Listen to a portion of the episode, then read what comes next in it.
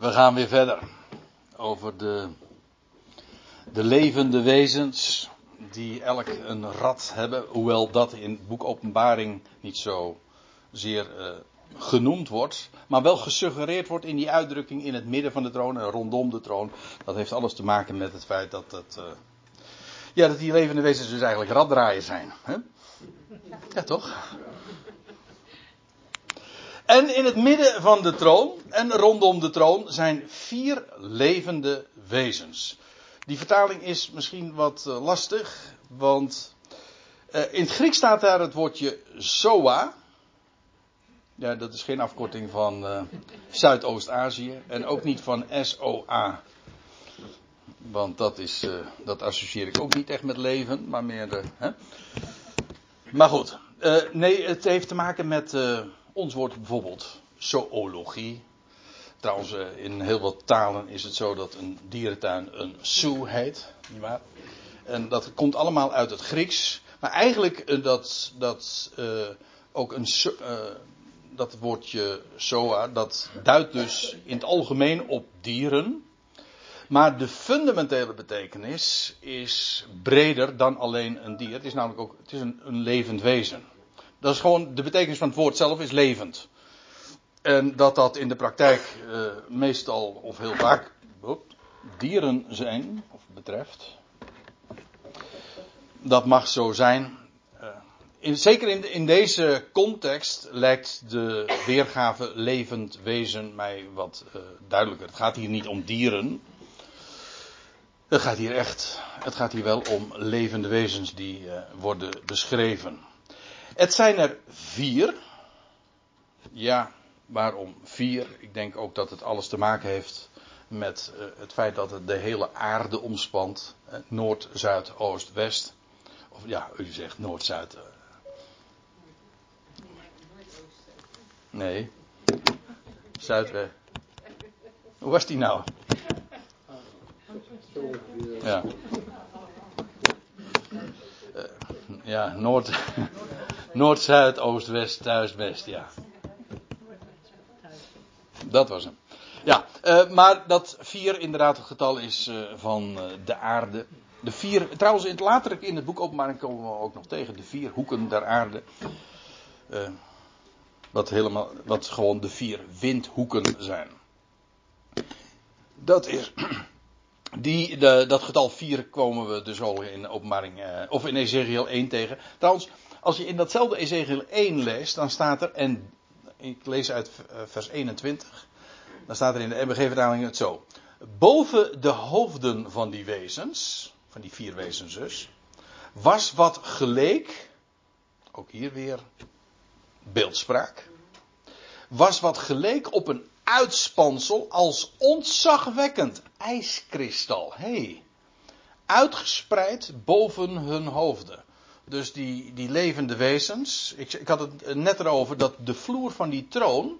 Dat was gelijk. Dat was een glazen zee, toch? De vloer van die troon was een glazen zee.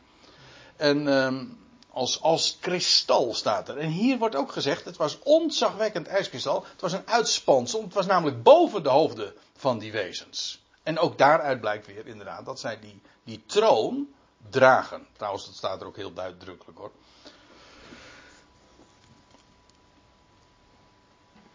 Dus, uh, ja, het zijn inderdaad dus uh, gerubs. Daar wordt, nou, laat ik het anders zeggen. In Ezekiel wordt ook uitdrukkelijk gezegd dat het gerubs zijn. En representanten, symbolen, uh, emblemen van de, de troon van God. Over de hele aarde. En men heeft trouwens ook, het is heel boeiend. Ik gaf net die, uh, die suggestie eventjes door van. Uh, over die vier gerubs op de ark. Of dat, uh, of dat er twee of vier geweest zijn. Toen gaf ik al even een gedachte door. Ik wilde nog even één doorgeven. En dat is, die vind ik ook heel boeiend. Maar daar ben ik ook niet helemaal uit. Maar goed, ik heb nog een heel zomerseizoen om dat nog eens een keertje wat uh, meer uh, te fine-tunen, zoals dat heet. Om nog eens eventjes wat meer dieper op in te gaan. Dat het te maken heeft met de vier tekens van de zodiac. Want je hebt de twaalf, de dierenriem. Trouwens hier ook weer zo, hè. Zodiac, dat zo heeft ook te maken met de dieren. Die levende wezens. En dat dat ook de vier hoofdsymbolen zijn van, uh, van de, de dierenriem. Waarvan natuurlijk dikwijls gezegd wordt, als je goed evangelisch bent, dan zeg je, oeh, occult, wegwezen. Maar als je eenmaal, als je bijbels hervormd bent. ja, wat dacht je daarvan? Hey. Ja, een nieuwe kerk. Ja. Dan weet je natuurlijk dat er niks mis mee is. Integendeel, dat de schepper zelf die zodiac gemaakt heeft. De dierenriem. De tekens van de dieren. Niet alleen maar die sterren die daarvan deel uitmaken. Maar ook de tekens van de, van de, de sterrenbeelden gemaakt heeft. Ja, maar, nu even wat, nog wat belangrijker. Ik, dat, uh, die eerste suggestie, die parkeren we eventjes. Ik, ik opper hem gewoon en u kunt het meenemen. Ik neem hem mee en we komen daar nog wel op terug, of niet. Maar, uh, zij representeren, dat is een heel duidelijk punt, alle levende wezens van alle vlees. En als ik het zo zeg, dan gebruik ik daarmee een uitdrukking die ik uh, citeer uit Genesis 9, vers 15 even terug in de tijd. Net nadat de hele aarde blank heeft gestaan. En Noach de ark heeft verlaten met al het gedierte, et cetera. En dan lees je dat God een verbond sluit. Met alle levende wezens van alle vlees. Met alle levende zielen staat er, als ik me niet vergis. MBG. Of uh, letterlijk.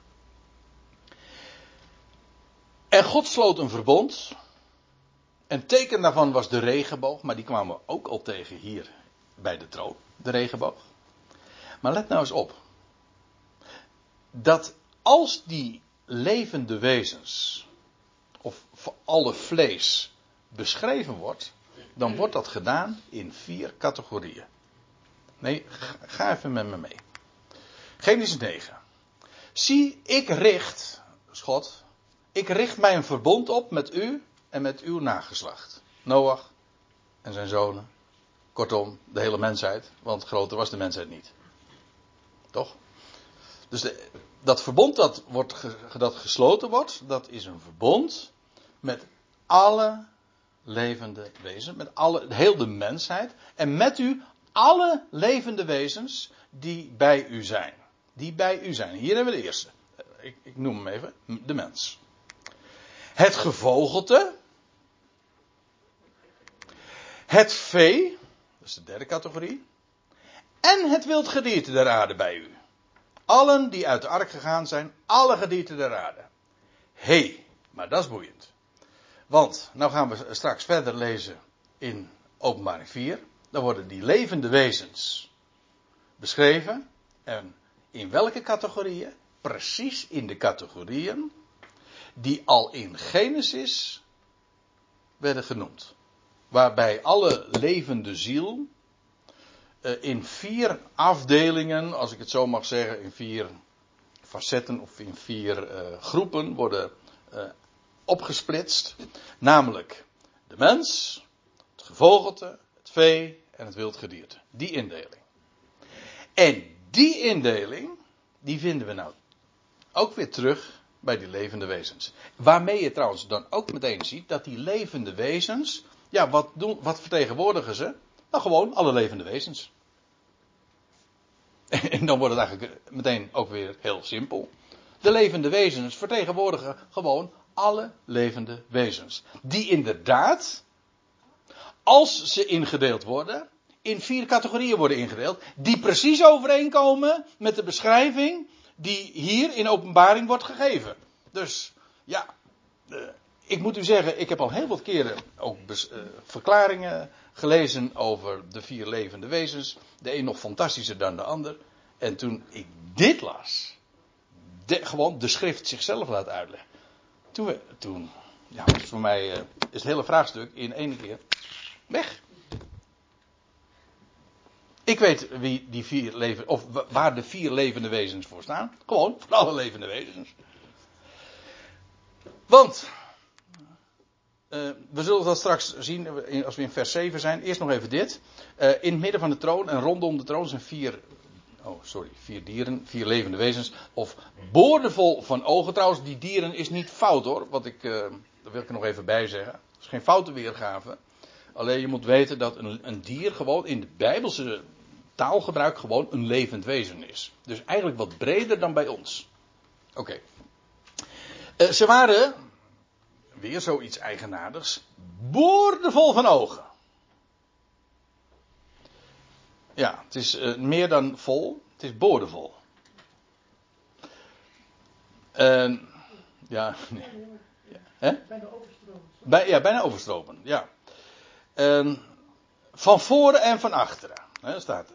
Maar dat, ja, dat is. Ja, je hebt, ik en sommige mensen ook hoor, die ogen van voren en van achteren hebben. Nee, ik kan me er niks van voorstellen. Hè? Ik kan me er niks van voorstellen. Borden vol van de ogen van de horen en van. Nee, ik ook niet. Nee, hè? Maar ik kan me wel voorstellen dat het iets betekent. En dat is dat als iets boordevol met ogen is, dan kun je heel goed kijken. Hè? Dan ontgaat je helemaal niets. Dat is een, en in die zin is de, de symboliek van boordevol ogen en van voren en van achteren, ja, die ligt eigenlijk gewoon voor het oprapen. Want we weten allemaal dat een oog het, zicht representeert. Dus als je boordevol met ogen, dan heb je heel goed zicht. Je hebt van, je hebt van die, uh, heb je dat wel eens gedaan? Een, uh, een, een vlieg onder een microscoop gelegd en dan zijn oog bekijken. Dus eigenlijk, eigenlijk zijn al die ogen, uh, zo één zo'n oog is een, een samengesteld oog. Want, en, en dat is ja, ook van voor, helemaal boorden. Eigenlijk zo'n zo'n zo'n vliegoog. Of van een, van een insect in het algemeen. Eh, volgens mij vele soorten insecten. Facet, oh ja, facetogen, zo heet het. Ja. Dus, maar elk. Ja, dat is. Dat kan alleen maar de Pantocrator, hè, de Almachtige. Zoiets, zoiets bedenken. Maar uh, ook zo enorm zicht. Maar die, ja, die. Probeer jij maar eens een, een vlieg te vangen. Hm? Ja, moet je heel traag doen, eh, maar de, ja, moet je ook net te weten, de dode hoek, maar die valt niet mee, want zo'n, oh, zo'n, dat heeft een enorm breed gezichtsveld. Dat is logisch natuurlijk, als je van alle kanten kunt kijken. Ik vind twee ogen soms al heel veel. En dan zeggen ze nog dat ik blind ben ook. Maar goed, uh, dat aspect van vol van ogen, dat zag je dus ook al in Ezekiel. Waarmee natuurlijk iedere keer, maar dat is inmiddels natuurlijk een open deur intrappen, uh, weer bevestigd wordt. Ah, het is, de hele beschrijving is gebaseerd op wat we al kenden. Feitelijk is daarmee ook weer gedemonstreerd dat het boek Openbaring een sluitstuk is van de profetie. Gebaseerd is op al het voorgaande. Als je het voorgaande niet kent, dan bak je van de verklaring en het verstaan van het boek Openbaring dus niente, niks. Helemaal niets. En wat het betekent, nou, we overwogen het al, niets is aan het zicht ontrokken van deze voortgaande godstroon. Want dat is het. Die troon van God gaat verder. Raderen. Oké, dat wordt hier dan niet zozeer benadrukt, maar dat is het wel. En alles ligt open. Alles is zichtbaar. U maakt zich zorgen over Big Brother is watching you. maar ik ben, ik ben blij dat er één is.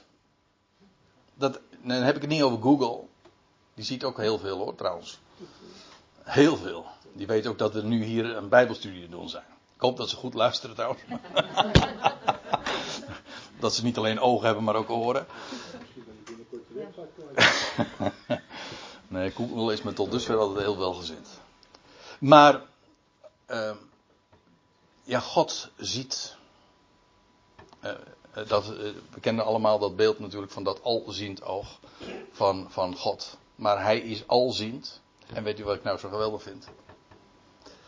Niets ontgaat zijn oog. En hij, voor, hij ziet niet alleen alles, hij voorziet ook in alles. Dat is trouwens een mooie. Want hij voorziet betekent niet alleen maar dat hij vooruit kan kijken. Dat is eigenlijk wat voorzien is.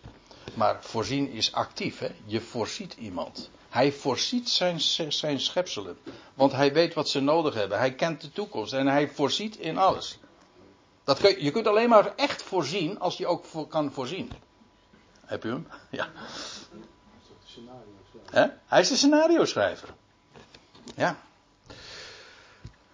Boordevol van ogen, van voren en van achteren. Dat wil zeggen, hij, hij kijkt achterom. En alles kent hij, ziet hij. Maar hij ziet ook alles tevoren, met recht dus voorziend. Nou, nou gaan we even de proef op de zon nemen. Ehm, het eerste levende wezen lijkt op een leeuw. Hé, hey, maar dat was die categorie. Eén, de vier categorieën in, van alle levende ziel in Noah, waarmee God een verbond sluit met als teken de regenboog, dat was. Uh, één daarvan was het wild gedierte. Werd trouwens daar als laatste beschreven en hier als eerste. Het, de volgorde doet niet zoveel ter zake. De leeuw als representant van het wildgedierte. Een leeuw is sowieso een representant. Want ja, de koning, nietwaar? En het tweede levende wezen lijkt op een kalf. Maar dat is het uh, tamme gedier, het vee. Ja, precies, een kalf. Het derde levende wezen heeft het gezicht als van een mens. En Tony, uh, jij denkt natuurlijk weer, ik kan me hier niks bij voorstellen. Maar wat, eh, wat, het, voorst, wat het voorstelt, is gewoon alle levende ziel, het wildgedierte, het vee, de mensheid, niet uh, te vergeten. En het vierde levende wezen, dat lijkt op een vliegende adelaar. Op een gier, een arend. Ik wil dat eventjes nu uh, parkeren, dat is nog weer een kwestie apart. Maar in ieder geval het gevogelte. Dan. Dat vliegt, ja. Nou ja, dat is gevogelte sowieso. Het gevleugelte. Zeg het goed? Ja, het gevleugelde. Allebei. Ja, kijk altijd naar jou, Hans. Maar op een of andere manier heb jij altijd een heel zelfcorrigerend effect op mijn spreek. Ineens hoor ik mezelf iets zeggen. Is dat wel correct? Maar goed, dat wat vleugels heeft.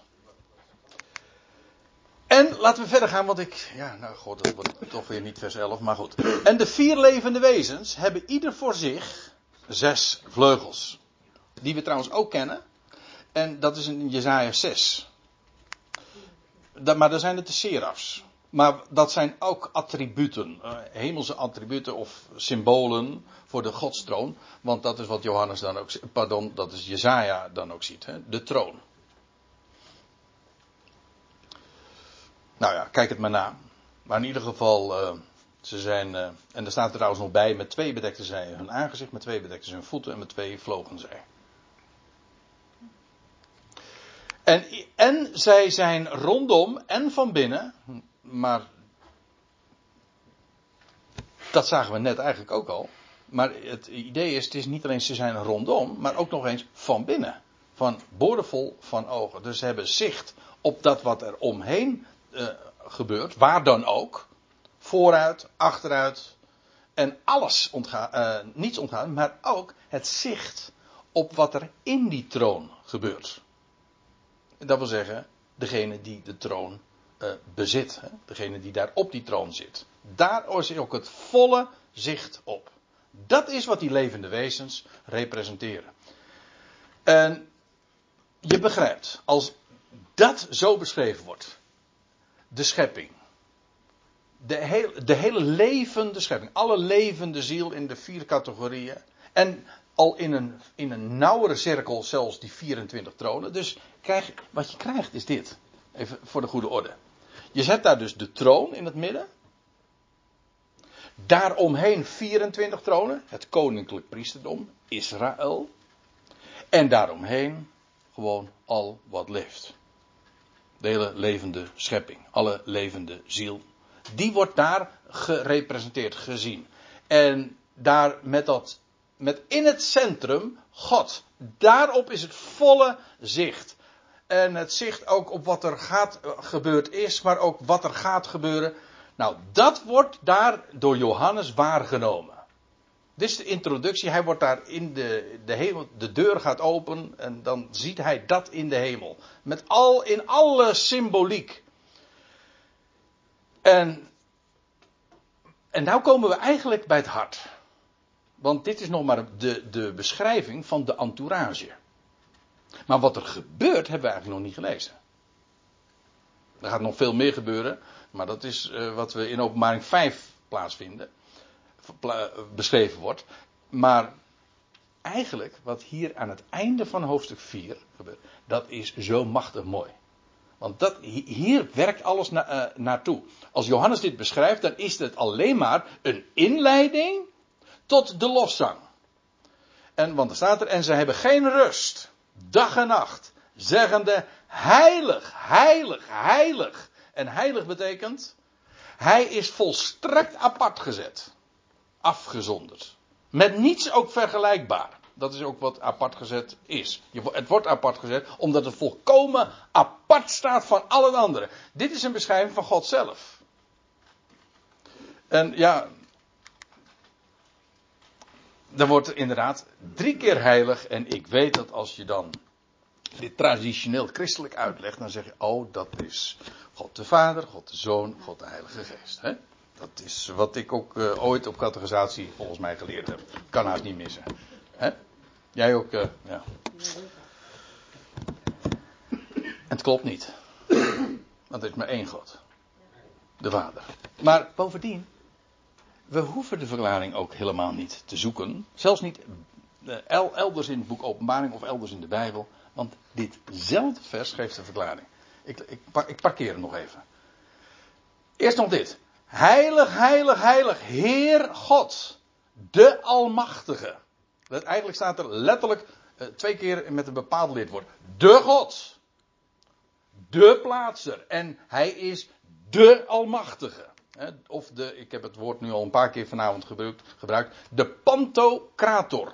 Panto is alles. En dat andere woord, de krator, heeft te maken met houden, eh, beheersen. Heer, ja, dat is het. Dus de allesbeheerser. Dat is de Almachtige. God is de God. Hij geeft alles een plaats. Hij ziet ook alle dingen. Hij kent alle dingen. Hij, er is, niets onttrekt zich aan zijn oog. En hij is de Almachtige. En als hij iets wil, dan doet hij. Want hij is Almachtig. Wat zijn, zoals het lied zegt, zijn liefde wil bewerken, dat ontzegt hem zijn vermogen niet. En wat hij wil, dat kan hij. Ik moet er wel even bij zeggen, almachtig betekent dus niet dat hij alles kan. Want God kan niet alles, God kan niet liegen. Om maar wat te noemen. Er staat uh, letterlijk zo in Hebreeën 6 dat het onmogelijk is dat God zou liegen. Dat, dat kan God dus niet. Dus almacht, almacht betekent dus niet dat God alles kan. God al, almacht betekent dat hij alles beheerst en dat hij alles wat hij wil, kan. Dat is een heel groot verschil, hè? Anders kom je bij zulke absurditeiten als van, kan God een steen maken die zo zwaar is dat hij hem zelf niet kan tillen? Zo weet je. Hm? Maar dan heb je, dan, als je zulke vragen stelt, dan heb je meteen al de, uh, een verkeerde afslag genomen. Dan weet je, de almacht betekent dat hij alles beheerst. Hij is God. En de God. En dan staat erbij, die was, die is en die komende is. Driemaal heilig. Toch? En in het verleden. En heden. En in de toekomst is hij volstrekt apart, uniek en onvergelijkbaar. De God, de Almachtige. Terugkijkend, nu en in de toekomst, volstrekt heilig. Drie maal heilig. Heeft dus niks te maken met die, de triniteitsleer, de drie eenheidsleer. Er, dat is er gewoon bijgehaald. En uh, ik, vind, ik vind het dan ook wel weer zo leuk. Dat zo'n bijbelvers zelf uh, dat gewoon ondergraaft. En, uh, nee, eigenlijk anders. Het is niet zozeer dat het een, een verklaring ondergraaft. Die, verklaring is, die verklaring is niet eens nodig. De schrift verklaart zichzelf hier.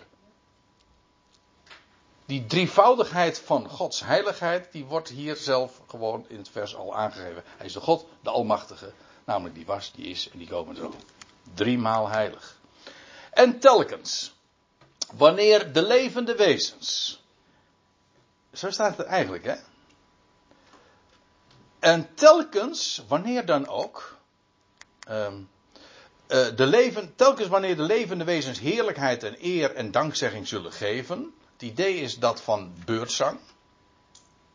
Dus voortdurend is daar die lofzang aan God. Aan de God. De Almachtige. En telkens wanneer de levende wezens heerlijkheid en e- heerlijkheid. Je zou het nog veel meer moeten inzoomen, want het is zo prachtig. Heerlijkheid geven zij aan hem. Of erkennen zij van hem.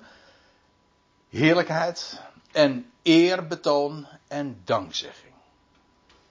Dus het heeft niet alleen te maken met, met wie hij is, maar ook wat hij geeft. Daarvoor, wat hij geeft, daar dank je hem voor. En wat hij is, daar eer je hem om. Aan hem die zit op de troon. De God. De Almachtige. En die leeft tot in de ionen van de ionen. Dat, is precies, dat zijn ook precies de tijdperken waar het in het boek de Openbaring over gaat. Dat zijn de tijdperken waarin Christus zal heersen. En wie, in die, gedurende die ionen zal hij degene zijn, de, zich de levende God betonen. Die zit op de troon. En heel de schepping zal hem daarin de heerlijkheid en de eer en de dankzegging geven. Hier in openbaring 4 wordt feitelijk al een, een foto gegeven, als ik het eh, zo mag zeggen. Een foto getoond van de, van de Ionen die gaan komen. Waarin Israël een koninklijk priesterdom zal zijn. En waarin heel de levende schepping hem de eer en de heerlijkheid zal gaan geven. Namelijk degene die op de troon zit. En die de levende is tot in de Ionen van de Ionen. Wat natuurlijk niet betekent dat hij dus na die Ionen niet meer leeft. Hm? Ja, ik weet niet of ik in moet gaan op zo'n bezwaar, maar mensen hebben, mensen hebben dat gezegd. Van, oh, maar als die Ionen dus een einde komt, dan betekent dus dat God ook eh, ophoudt te bestaan. Wat natuurlijk dwaasheid is. God is de onvergankelijke God. Hij leeft tot in de Ionen. Dat wil niet zeggen dat als die Ionen ophouden, dat, die, eh, dat hij dus dan niet meer leeft. Ik weet niet, als je dat denkt, dan moet je eerst nog maar eens een keertje eh, het ABC van logica gaan bestuderen. Het slaat namelijk nergens op. En wanneer, laat ik de hele zin nog lezen. En wanneer de levende wezens ook maar heerlijkheid en eer en dankzegging geven aan hem, die zit op de troon. Die leeft tot in de ionen van de ionen. De overtreffende ionen zijn dat dus. Hè. Dat is een uitdrukking die ik meen in het boek Openbaring elf keer voorkomt. De ionen van de ionen. Dus je hebt de ionen, de wereldtijdperken en daarbovenop eh overtreffende ionen. Zoals je hebt de koning van de koningen. Of de heilige der heiligen. Of het lied van de liederen. Nou, dit zijn de ionen van de ionen. Nou, dan zullen de 24 oudsten neervallen voor het oog van hem. Die zit op de troon. Het koninklijk priesterdom. En ze zullen hem adoreren. Aanbidden, ja. Dat woord zijn we al eerder tegengekomen. Dat had te maken met uh, wat een hond doet voor zijn baasje. Gewoon neerknielen, neervallen. Klein worden.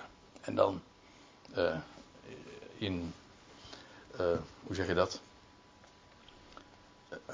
On, in ontzag op, uitkijken, opkijken naar, het, na, naar de baas, zeg maar. Dat is adoreren. Ze zullen hem adoreren. Die leeft tot in de ionen van de ionen. En ze zullen hun lauwerkransen werpen in het zicht van de troon. Zeggende, mooi hè trouwens. Ze, ze, hebben eerst, we zullen dat trouwens ook nog zien. Ze zullen die lauwerkrans krijgen. En vervolgens geven ze hem weer terug. Het idee is, ja wij hebben we dat weliswaar uh, de overwinning behaald. Maar ja, do, waardoor hebben wij die overwinning behaald? Doordat u het gegeven hebt. Dus we geven het gewoon weer terug aan degene die het echt verdient. Ze werpen hun lauwerkransen in het zicht van de troon, zeggende, dit is het laatste vers. Waardig bent u. Waardig bent u, zo moet ik eigenlijk zeggen. Onze God. Weer de God van ons. waardig. Dat wil zeggen, hij is het waard. Om in ontvangst te nemen. Wat? De heerlijkheid. En de eer. En de macht. Wie, aan wie komt dat toe? Aan wie komt macht toe? Aan wie komt eer toe? Aan wie komt heerlijkheid toe? Van wie is het? Wie kan het dus ook werkelijk geven? Wel, dat staat erbij. De Heer, onze God, de Pantocrator, de Almachtige. Hoezo? Nou, want u schiep alle dingen. Ook weer tapanta. Het al. Er is niets wat, hij, wat er is zonder dat hij het geschapen heeft. U schiep alle dingen. Ik, maar heel de schepping, waar ik ook kijk, alles is creatie van hem. Hij, dit is zo groots. Ik, ja, dit is de erkenning van de God. Er, wat hier beschreven wordt, is dat heel de schepping hiertoe bestemd is, ook die bestemming zal bereiken, namelijk de eergevend aan de God, die alle dingen schiep. En waarom zijn alle dingen er? Wel vanwege, want u schiep alle dingen, en vanwege uw wil waren zij en worden ze geschapen. Daarom. Hoe komt het dat de dingen er zijn zoals ze er zijn? Wel, dat komt omdat God dat wil. Als het God dat niet wil, had gewild, dan was het er niet geweest. Dus heel de schepping is gewild. Dus dat, lijkt me ook een fikse troost voor iedereen die zich ongewenst gevoelt. En meent te zijn. Je bent een creatie van Hem. En het feit dat je er bent, is omdat Hij jou gewild heeft. En Hij een plan met je heeft, want Hij is de Almachtige. En van, want U schiep alle dingen. En vanwege uw wil waren zij er en worden ze geschapen. Dat wil zeggen, de hele schepping in het verleden, maar ook wat de toekomst betreft, is een creatie, is een gaand proces, want dat is het idee. Zij worden geschapen. Is een proces die creatie komt tot stand vanwege Hem, maar dan ook Hem alleen. Amen.